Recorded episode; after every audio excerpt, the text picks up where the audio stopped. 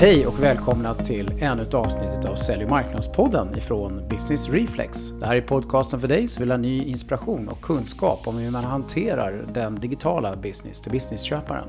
Och idag är det dags för sommaravsnittet av Sälj och marknadspodden.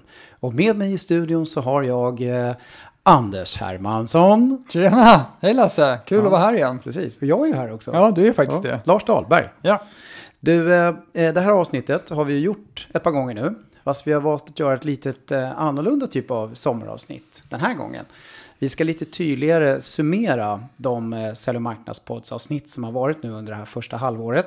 Och ge er lite grann våra spaningar kring de här avsnitten. Och sen så tänkte vi då att det här skulle kunna landa hos er när ni ligger där i hängmattan och ge er lite ny inspiration för en spännande höst som kommer sen runt hörnet. Eh, Men du och jag är ganska glada för att vi inte har semester än, Anders. ja, det känns ju bra när det blåser styv kuling. Ja, ja, precis. Nio grader stod det på min, eh, min eh, termometer i bilen när Ja, jag åkte till gymmet i morse. Ja, det är som sagt var nordlig kuling ute vid Sandhamn. Så. Det är sommar, fram med snöskrapan. Precis, och du är skärgårdsmänniskor så vi är glada att vi är i den här varma poddstudion. Ja, absolut. Men du, de här eh, trenderna, vi, det är liksom två stora saker som vi kommer att prata om nu i det här avsnittet som vi tycker att varit väldigt signifikanta kopplat till de avsnitten vi har gjort nu det här första halvåret. Och den första grejen som vi ska ge oss in på nu, det är då det här med eh, B2B-sälj. Att den här digitaliseringen av liksom B2B-sälj eh, verkligen håller på att hända på riktigt. Ja, det är jättekul. Vi har ju snackat sedan vi startade VR skulle jag säga, att, om, om det här med att vi måste få upp marknad och sälj och sitta i samma båt och allt det här. Men nu tycker jag det känns som att intresset rent generellt för det här, den, att, att sälj också måste bli någon form av digitaliserat och, i, och liksom påverkas av de här köparna. Att det inte bara är marknad som måste börja skicka e-mail istället för post. Nej, Utan det är ett, en större beteendeförändring och det har verkligen, tycker jag, slagit igenom senaste halvåret. Så vi har försökt se till att vi också Ja. har relevant information om det där. Precis, fler och fler börjar prata om mer specialiserade liksom säljroller och hur man verkligen ska hantera det där och att det är stora kostnader kopplat till detta som man verkligen måste tänka igenom hur de ska användas och, Ja, och sånt. Så ja att, eh, verkligen. Jag tycker att det, det är en sak att man tycker att marknadsföringen borde fräscha Mm. upp sig lite grann. Men, men om man har en, en säljavdelning som inte presterar, det, det gör oftast ondare kan man ju säga. Och jag tror att det, det finns många skäl till det här såklart. Men en anledning tror jag är att många har blivit mycket bättre på själva marknadsaspekten på Ja. det här och fått ordning på det på ett mycket bättre sätt. Och det är först egentligen när man har fått ordning på det som man kan börja titta på hur vi 17 ska kunna hantera liksom själva säljprocessen. Det, det som B2B-säljarna gör på ett lite annorlunda sätt. Ja. Men det blir svårt att effektivisera det om man inte har fått mycket andra grejer på plats innan. Ja, men, och det är rätt. Men det kan också vara så att man, man liksom förväntningar kommer lite på skam. Att ja, bra, Mm. nu har vi så här, nu, nu kör vi ju Instagram, men det kommer inga affärer. Bara, nej, Mm. men det är ju bara halva grejen. Ni måste också integrera med sälj och få det att funka bättre ihop. Så att då kanske man, Mm. bör man märka att det räckte inte det här att, att köra lite digital marknadsföring, Mm. utan man måste få ihop det. Precis. Jag tycker vi kör igenom några avsnitt här. Det börjar rätt mycket med det spännande avsnitt du gjorde. Du gjorde avsnitt 159 med Lina Kärneld. Just det. Hur får man ihop eh, sälj och marknad? Ja, det var ju mitt i prick Ja. på det, det ämnesmässigt så att säga. Och Lina hon, hon är väldigt duktig och insiktsfull kring det här med, med att eh, få sälj och marknad att jobba mot samma mål. Och det där har vi pratat om länge, men det finns en, det finns en djupare utmaning med det här, enligt min egen erfarenhet. Och det är att det, liksom, det råder två olika kulturer på säljavdelningen och på marknadsavdelningen. Och, och, och, det, och så länge man har den här vad ska jag kalla det för, att marknad ska leverera leads till sälj som sälj sen ska följa upp. Man leker att man är någon sorts fabrik där någon skickar in järnrör i ena änden och sen ska någon svarva på de här i andra. Alltså det, det funkar inte riktigt så. Eller det kan inte funka på det viset. Så länge man har det sättet att se på det, det är då, då kommer det inte funka upp. Man behöver liksom få marknad och sälj gå mycket mer omlott och jobba verkligen ihop Ja. om saker och ting. Precis, så det handlar dels om att man ska ha gemensamma kopior, för det finns fortfarande behov av lite skilda också. Man ska Det ha samma kultur, Ja. liksom. Se, samma syn på saken. Liksom. Ja. Människorna ska vara med så tajt sammansvetsade och liksom. Ja, och jag tycker så här, om, om, om lyssnarna kan se framför sig två steg i en process. Om man kunde ta de här två stegen och sätta dem ovanpå varandra istället. Så att marknad och sälj verkligen jobbar omlott med varandra. För det är så köparna, de, de gör inte bara digitalt först och bara liksom face to face sen. Det funkar inte riktigt så, utan de här grejerna händer omlott och lite om varann. Så de här två funktionerna måste jacka i varandra på ett mycket bättre sätt. Jag tycker vi säger tack Lina. Eh, och eh, lyssna på avsnitt eh, 159 så kan ni komma in mer djup på djupet med den här frågan. Men den, den var jättespännande. Men sen hade vi ju med oss en riktig gammal räv. Eller hur? Va? eh, och, eh, och hoppas Kai att, eh, att du köper in på det här. Men du, du Jag var grym. Du har, Ja. verkligen, du har verkligen varit med i den här branschen. Ja, eh, jo, men jag gick ju på säljutbildning med Kai Hattenauer Ja. 1934 tror jag på hösten. Han har lärt dig allt, allt du kan, Anders. Nej, men verkligen, tack, tack, tack till det, Kai. Men avsnitt 158, Kai Mm. Hattenauer. Och där fanns det ju otroligt mycket intressant fakta som Kai kom Ja, det gjorde det. Han jobbar på Miller Heiman då och de hade tagit fram en rapport. Jag tror att den, det är någon sån här CSO Insight, alltså de har ju något spår där, där det är Chief Sales Officer typ. Insights kring det. Och där hade de tittat på både hur säljarna agerar och vad köparna tycker om det och vad köparna har för behov. Och eh, där fanns det ju lite sådana här procentsiffror som man, som man kan liksom ja, kolla på. Då, då. Och det, det hakar i väldigt mycket i det vi pratade om inledningsvis. Eh, I deras undersökning så visar det sig att 53% av säljarna når sina mål. Det är inte speciellt mycket kan man ju tycka. Om, om man tänker generellt sett, om vi, vi skulle ha bland ekonomichefer, så är det 53% som lyckas göra bokslut. Det skulle inte vara så jäkla det bra. Då hade vi inte stått här idag. Nej, men, Så- och det sjunker, eller Ja, hur? det Och ju sjunker, det. och sjunker, och sjunker. Det är Ja. en tydlig trend att det Jag sjunker. vet inte hur länge de har undersökt det, men, men de påstår i sin undersökning för att det här är femte året i rad när, när siffran sjunker. Så att det, det, det, det betyder ju, tänker jag, att man behöver eh, göra annorlunda. Man kan inte bara ta i mer. För det, det är också, det har jag för mig Kaj sa, att det som händer det är att företagen rekryterar fler och fler säljare. Det är ungefär som att om man pratar sluddrigt till någon och så hör inte den person man säger, då börjar man skrika sluddrigt istället och hoppas Precis. liksom att det ska hända. Det är ungefär så. Fan, Kaj, har du tänkt till på den där liknelsen. Mm, det var grym. Den var grym. Eh, så i alla fall, så, så då kan man säga så här, och så stod det lite mer i deras, i deras undersökning här då, eh, att eh, var, var, var någonstans tycker kunderna att, kö, att säljarna är, är bra att ha, om man säger så. Och då visar det sig att det finns en lista med grejer på var någonstans köparna söker efter information och stöd i sin köpprocess. Och på plats nio kommer säljare. Så de gör en hel del andra grejer. Och första platsen hålls av branschexperter, eller experter inom branschen. Det är sådana man söker sig till. thought leaders. Ja, typ. exakt. Ja. Och då kommer man ju tillbaks, nu har, inte, har vi inte haft något eh, avsnitt om på ett tag, men det är ju så här med social selling och att bygga sitt personliga varumärke. Det känns ju som att om man som säljare verkligen är expert på sitt område och på sina kunders eh, så att säga, branscher och verksamhet Ja, och blir en thought leader, då kommer det ju att lyfta. då kan man bli grym. Ja. Ja, så Ja. det. det finns massa andra Det finns grejer. mycket spännande. Ja, flera procentsiffror Ja. där kring det här med säljprocessen och köpprocessen. Det visar sig att det är ju, det är ju då 70 procent eh, de väntar med sälj, säljarkontakt tills de har klargjort sina egna behov. Det Mm. betyder, i min bok så tänker jag så här, de här säl, säljare som, ehm, och säljchefer som skickar sina säljare på kurs i behovsanalys, de pengarna kan ni ju spara, för det gör ju kunderna själva. Mm. De har behovsinsikt och, och gjort sin analys redan innan de träffar säljarna. Och sen så dalar det så 45 procent, de vill vänta tills, eh, och ta kontakt med säljare tills de har börjat utvärdera lösningar.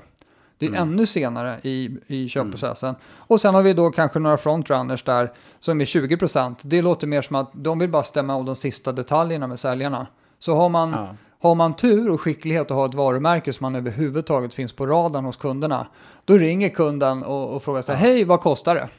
Ja, och det här är ju nu, eh, det här är liksom eh, halvkomplex och komplex B2B vi pratar Ja, om. att absolut, det är det. Men eh, det här avsnittet så är ni sugna på att skaffa er lite ammunition Mm.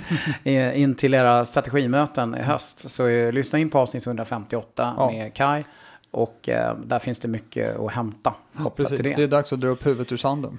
Ja, eh, eh, sen var det ett annat avsnitt du gjorde med, med Henrik Larsson. Ja, just det. Det var också ett härligt avsnitt. Eh, Henrik och jag pratade ju om värdeskapande försäljning och eh, ehm, eh, Henrik har ju, har ju tagit det här väldigt eh, långt tycker jag och bra. Han, han, pratar väldigt, väldigt mycket om att man, man måste sätta sig i kundens situation på ett väldigt genuint sätt.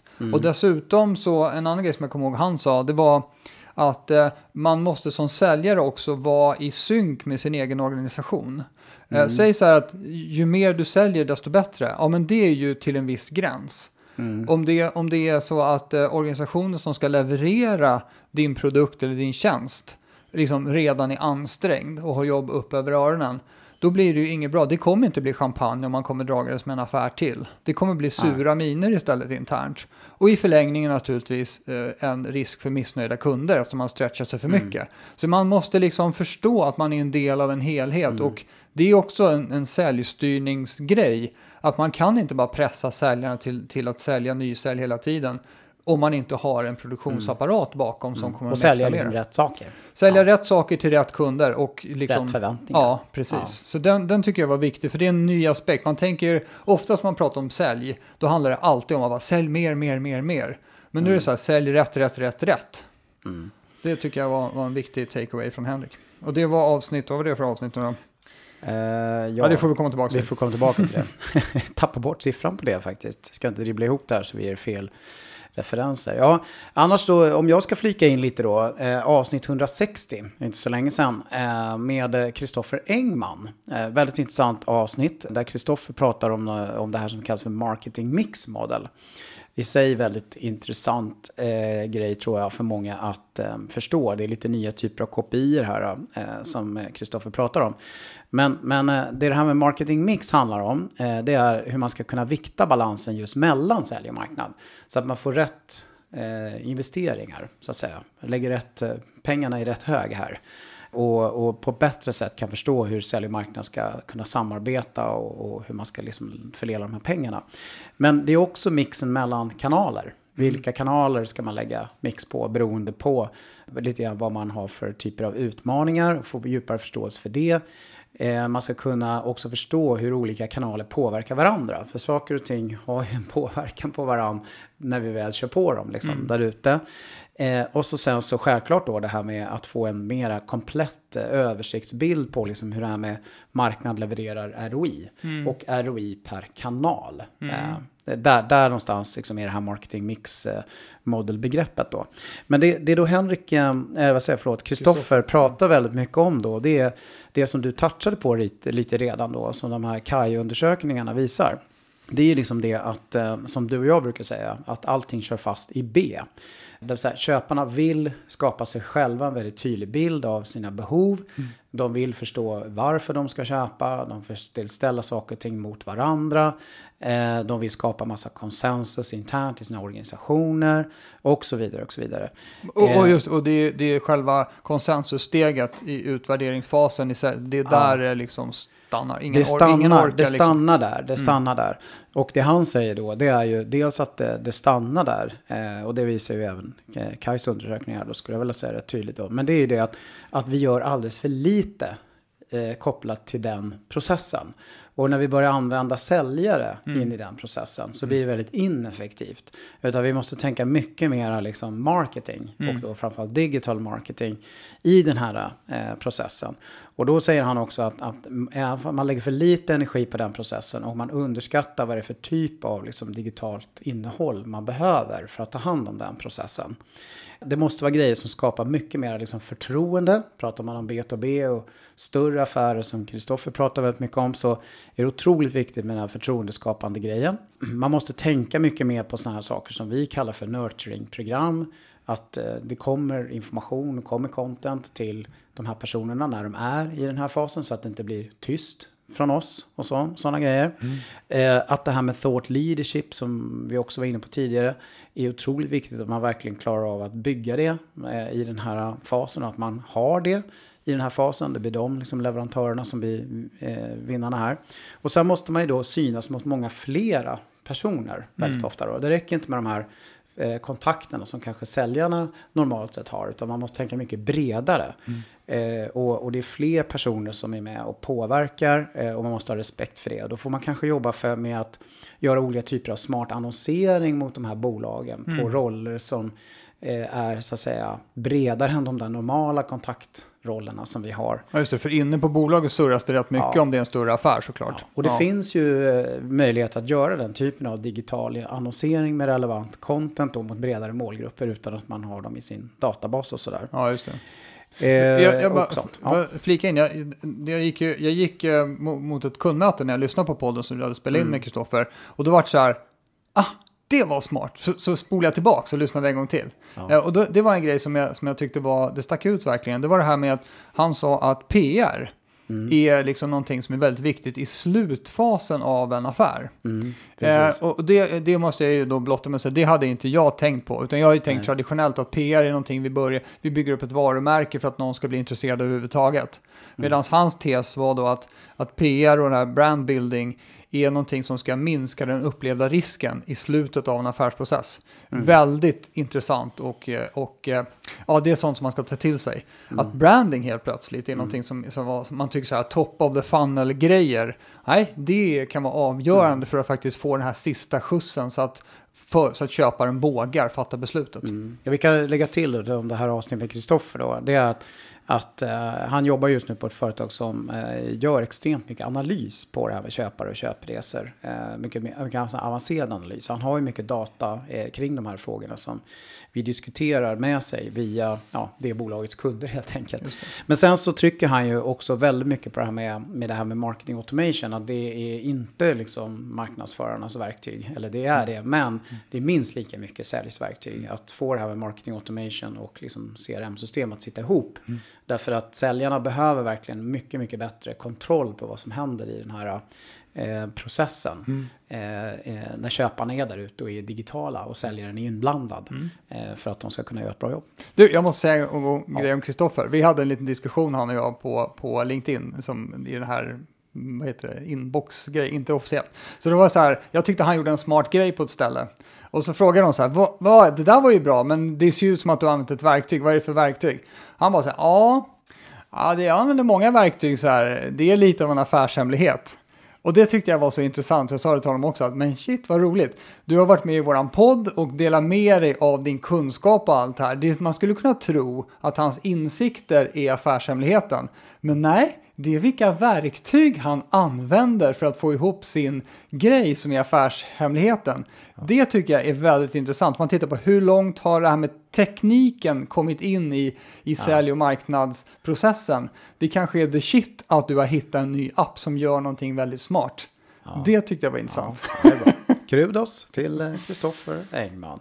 Eh, Sen gjorde ju du och jag själva ett avsnitt också, avsnitt 152. Så styrde säljarna mot idealkunden. Och eh, det handlar ju, det avsnitt pratar vi mycket om just det här, vikten av att verkligen förstå hur man mejslar ut sina liksom, idealkunder. Eh, så att man ska kunna springa på rätt eh, saker och framförallt då liksom göra väldigt relevant marknadskommunikation och sälj-approach så att säga. På Allting nischer. börjar ju nästan där på här vänster. och varför vi gjorde det avsnittet Anders, det var ju för att vi träffar ju så många företag som vi jobbar med och alla har samma problem. Mm. De har jättedålig teoretisk koll har de kanske rätt så Mm. bra, men inte på riktigt konkret kontroll på sina idealsegment. Nej, och det gör ju att man är rätt generell i sin kommunikation och pratar om sig själv snarare om kunderna. Eftersom om en smålmarknad är väldigt heterogen, så den spretar åt alla håll och kanter, då blir det ju svårt att hitta den gemensamma nämnaren som är väldigt viktig för alla då.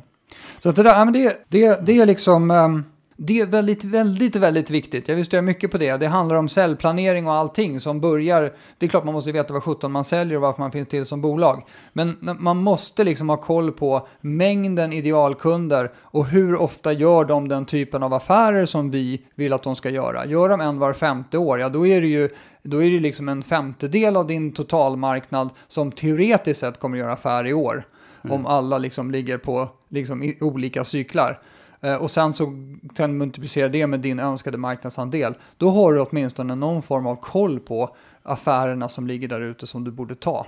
Så att, har- men har man inte det, utan man är för yvig, så ja, men vi går på bolag, industri i Sverige, så här, under 10 miljarder omsättning, det, då, det är väldigt svårt alltså. Att Exakt. få armarna kring det. Så man Nej. behöver vara lite mer exakt.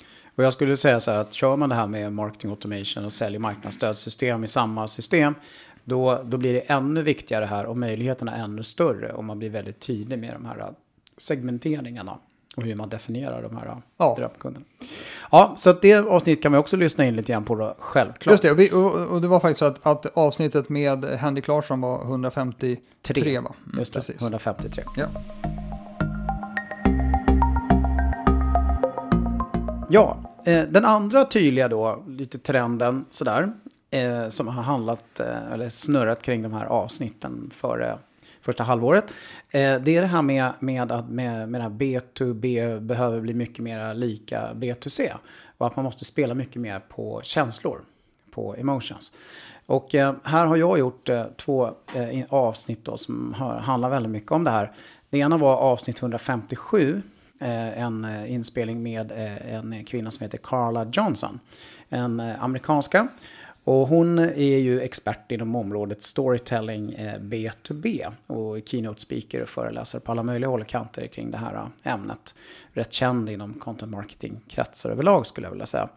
Och Eh, och det, det hon säger då, det är ju den att den här B2B-köpresan börjar mycket mer med känslor än vad man kan tro. Mm. Eh, och hon träffar ju många olika B2B-bolag och hjälper dem med de här frågorna och tycker att det här är en ganska tydlig trend. Eh, att det har blivit ännu viktigare, att man måste liksom förstå det här. Att när man ska liksom trigga någon eller få någon att, att reagera, eh, få någon att bli intresserad, så måste det liksom anspela mycket mer på de här mänskliga känslorna. Och för att man ska lyckas med det så, så är det ju så att, att vi pratar ju om det här, man måste vara intresserad av, av sina personer, alltså sina köpare. Men man måste verkligen fatta dem på djupet och inte bara då liksom det som driver dem och är viktigt för dem kopplat till sin yrkesroll eh, och sådär. Utan vad som är, är viktigt kopplat till dem som människor, som individer. Eh, och här pratar hon också om samma saker som finns med i eh, tycker jag, den här boken som vi har snackat om några gånger. Eh, som heter eh, eh, eh The, eh, vad heter det nu? Eh, The Challenger Customer. The Challenger Customer mm. heter boken. Ja. Där, där, man, där man ser att det är liksom en viss typ av personlighet som är viktig. Mm. De här människorna som vågar driva saker och ting, som gillar förändring, mm. som är, inte är så rädda för att ta risk och så. De blir allt viktigare och viktigare. Och, och då måste man förstå liksom vilka de är och hur de är, hur de fungerar, hur de tänker och hur man ska kunna resonera med dem. Och då blir konsekvensen av det att man måste bli mycket duktigare på att göra den typen av content, mm. helt enkelt. Som anspelar på de här grejerna. Och för man ska lyckas få fram det där contentet så behöver man lägga mer energi på förståelsen såklart. Men även på den liksom kreativa processen.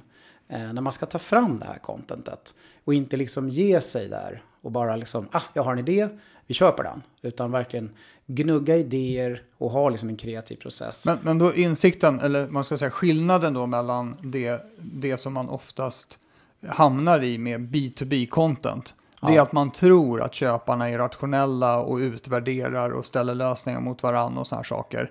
Ja. Men det här är insikten om det här just det att, att de är, det är mycket mer känslor inblandade, vilket jag tror är bra. För det blir ja. ju egentligen så, man fattar ju sitt, på något sätt, egna beslut i magen. Och sen ska man bara försöka berättiga det genom att hitta någon logisk förklaring i huvudet. Just det, och det här går ju igen i hela kundlivscykeln att man måste tänka mer på, det här, på de här känsloaspekterna. Men mm. framförallt liksom när man ska få någon intresserad och få någonting att börja liksom hända. Då måste det liksom träffa dem mera i maggropen.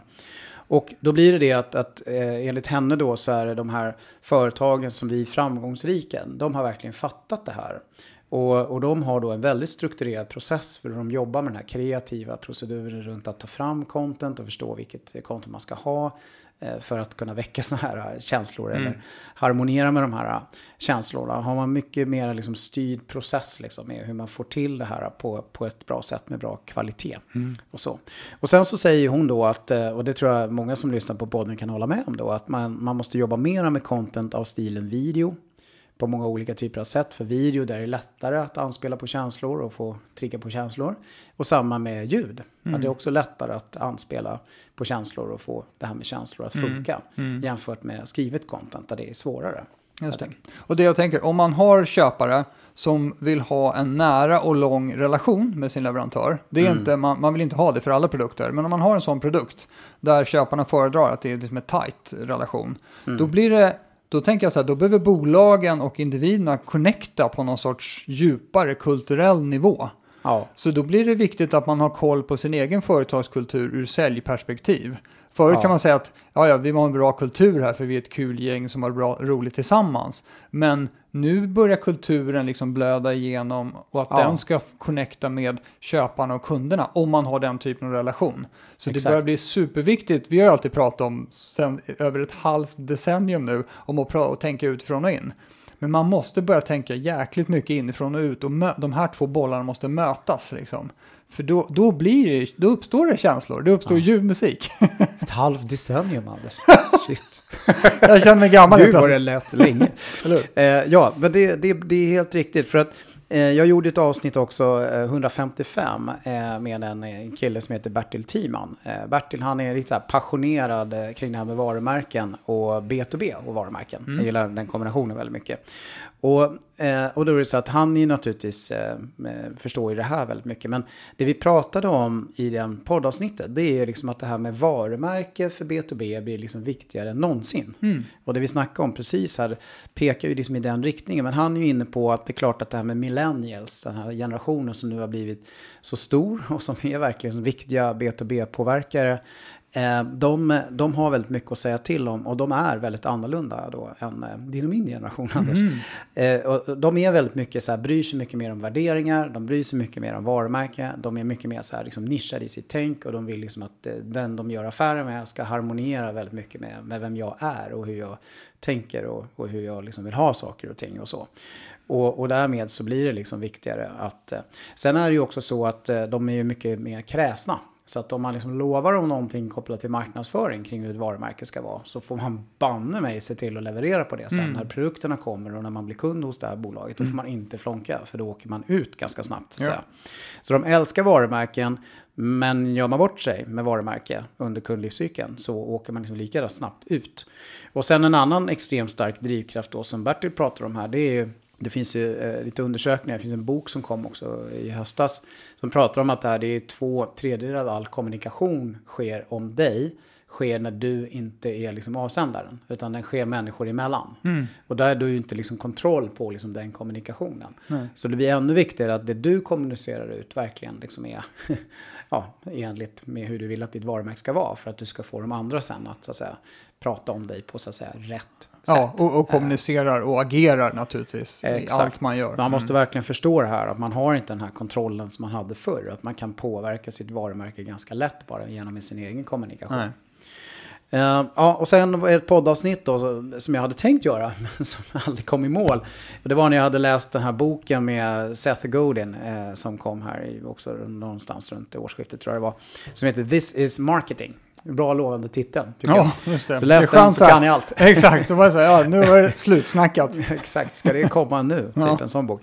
Eh, Men Seth Godin är ju min husgud som jag kanske framgått någon gång tidigare i något avsnitt. Men eh, han är också inne på precis det här vi pratar om då, eh, det här med emotions och nischer. Men det han liksom pratar om det är ju det här, eh, framförallt den här emotionen status. Att det är liksom status som är liksom den allra, allra viktigaste. Det är den vi verkligen måste ha koll på. Och eh, det står mycket skrivet om det här i boken, men bland annat är det som så att vissa människor de vill ju behålla den status de har. Så de vill liksom tillhöra människor som har samma status som jag har. Ja. Medan andra människor de tänker så här, jag vill så att säga vara dominant. Jag vill, jag vill vara en status som andra inte har. Alltså jag vill för, förflytta min Ja, status just det. någonstans. Så den ena grupptillhörighet och den andra är mer individualiserat. Jag vill liksom... Först. Ja, precis. Jag, Jag tänkte själv, ja, jag vill eh, hamna på toppen på höstacken status. Så tänker jag. Andra säger, ja men det är bara bra om jag får vara med andra som har samma status som mig. Och det där måste man förstå liksom då, vilken persona reso vill jag resonera med. Ja. Och det är rätt mycket det här, du vet, early adopters. Mm. Vilka är det? Jag menar, det är ju de som vill på toppen på den här höstacken, Ja. inte de som bara, bara vill tillhöra andra. Och eh, han pratar ju också mycket om varför det här med status är verkligen den här starkaste eh, kraften då. Det är ju att status liksom skyddar oss, får oss att känna liksom trygga. Ja. Eh, det skapar trygghet. Eh, det ger oss liksom möjlighet att vi ska kunna få det vi vill få. Och lyckas jag inte nå toppen på höstacken kommer jag inte kunna påverka saker och ting på ett sånt sätt som jag vill. Och därmed kunna få det jag vill. Och får jag inte tillhöra det här gänget som jag liksom trivs med statusmässigt så kommer jag inte heller kunna liksom få det jag vill. Så att säga. Eh, och sådär. Och, och, eh, så det, det ligger mycket- till grunden kring hur vi liksom skapar lycka och hur vi så att säga, får oss själva att må bra. Eh, bygger på att liksom, vi hamnar i det här statusläget som vi liksom gillar att ha. Mm, just det. Och att det kan vara rätt olika. Det kan det nog vara. Ja, just och så. det. Och, och status, eh, alltså det är olika status. Det är inte bara det att det är hög status. Nej, Utan att man exakt. handlar på den dyraste klädaffären. Och för det kan vara status att jag är smart. Jag handlar kläder på det här stället. Jag får mycket för pengarna. Ha!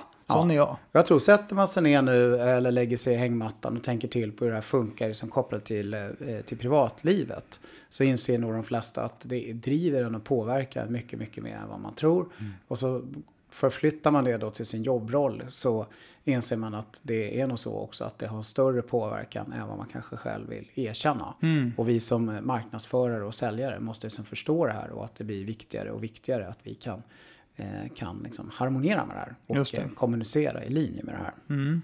Så eh, ja, får ni lite tid över i hängmattan kan ni ju läsa boken. Seth Godin, This is marketing. Just det. Ehm, ja, det var väl i stort sett det Anders. Ja, men det var skönt. En sån här crash course eh, över hela halvåret här. Och Det var det halvåret. Ja, det var det var det. det. Så vad ska vi skicka med er nu då? Jag tror att ni har förstått hela grejen. Eh, Jag tänkte bara säga så här på slutet att eh, vi håller på nu och planerar för eh, alla avsnitten till hösten. Och eh, vi har en massa olika spännande idéer men det är nu man har chansen att eh, komma in med lite spännande förslag. Ja, och, och, och ämnen är ju en sak. Jag tänker också att det kan vara bra om det, om det finns tips på personer som, som eh, ni tycker att vi ska ha med i Sälj marknadspodden. Det tar vi väldigt tacksamt emot. Och då mejlar ni bara till kontakt at businessreflex.se så kommer det att landa i eh, Anders och eh, mina mejlboxar. Så Ja. vi kan ta upp det på våra redaktionsmöten som vi har när vi pratar poddavsnitt. Ja, och sen så är det väl nu när man lyssnar på den här podden så ligger den säkert ute på LinkedIn. Så man kan ju kommentera på det inlägget där också. Det funkar bra också. Ja. Eh, perfekt, det vore toppen. Så att, eh, ja, så vi, brukar, vi avslutar väl bara som vi brukar. Vad ni än gör där ute i sommar så ska ni se till att vara Relevanta. relevanta. Tack Hej då. och hej.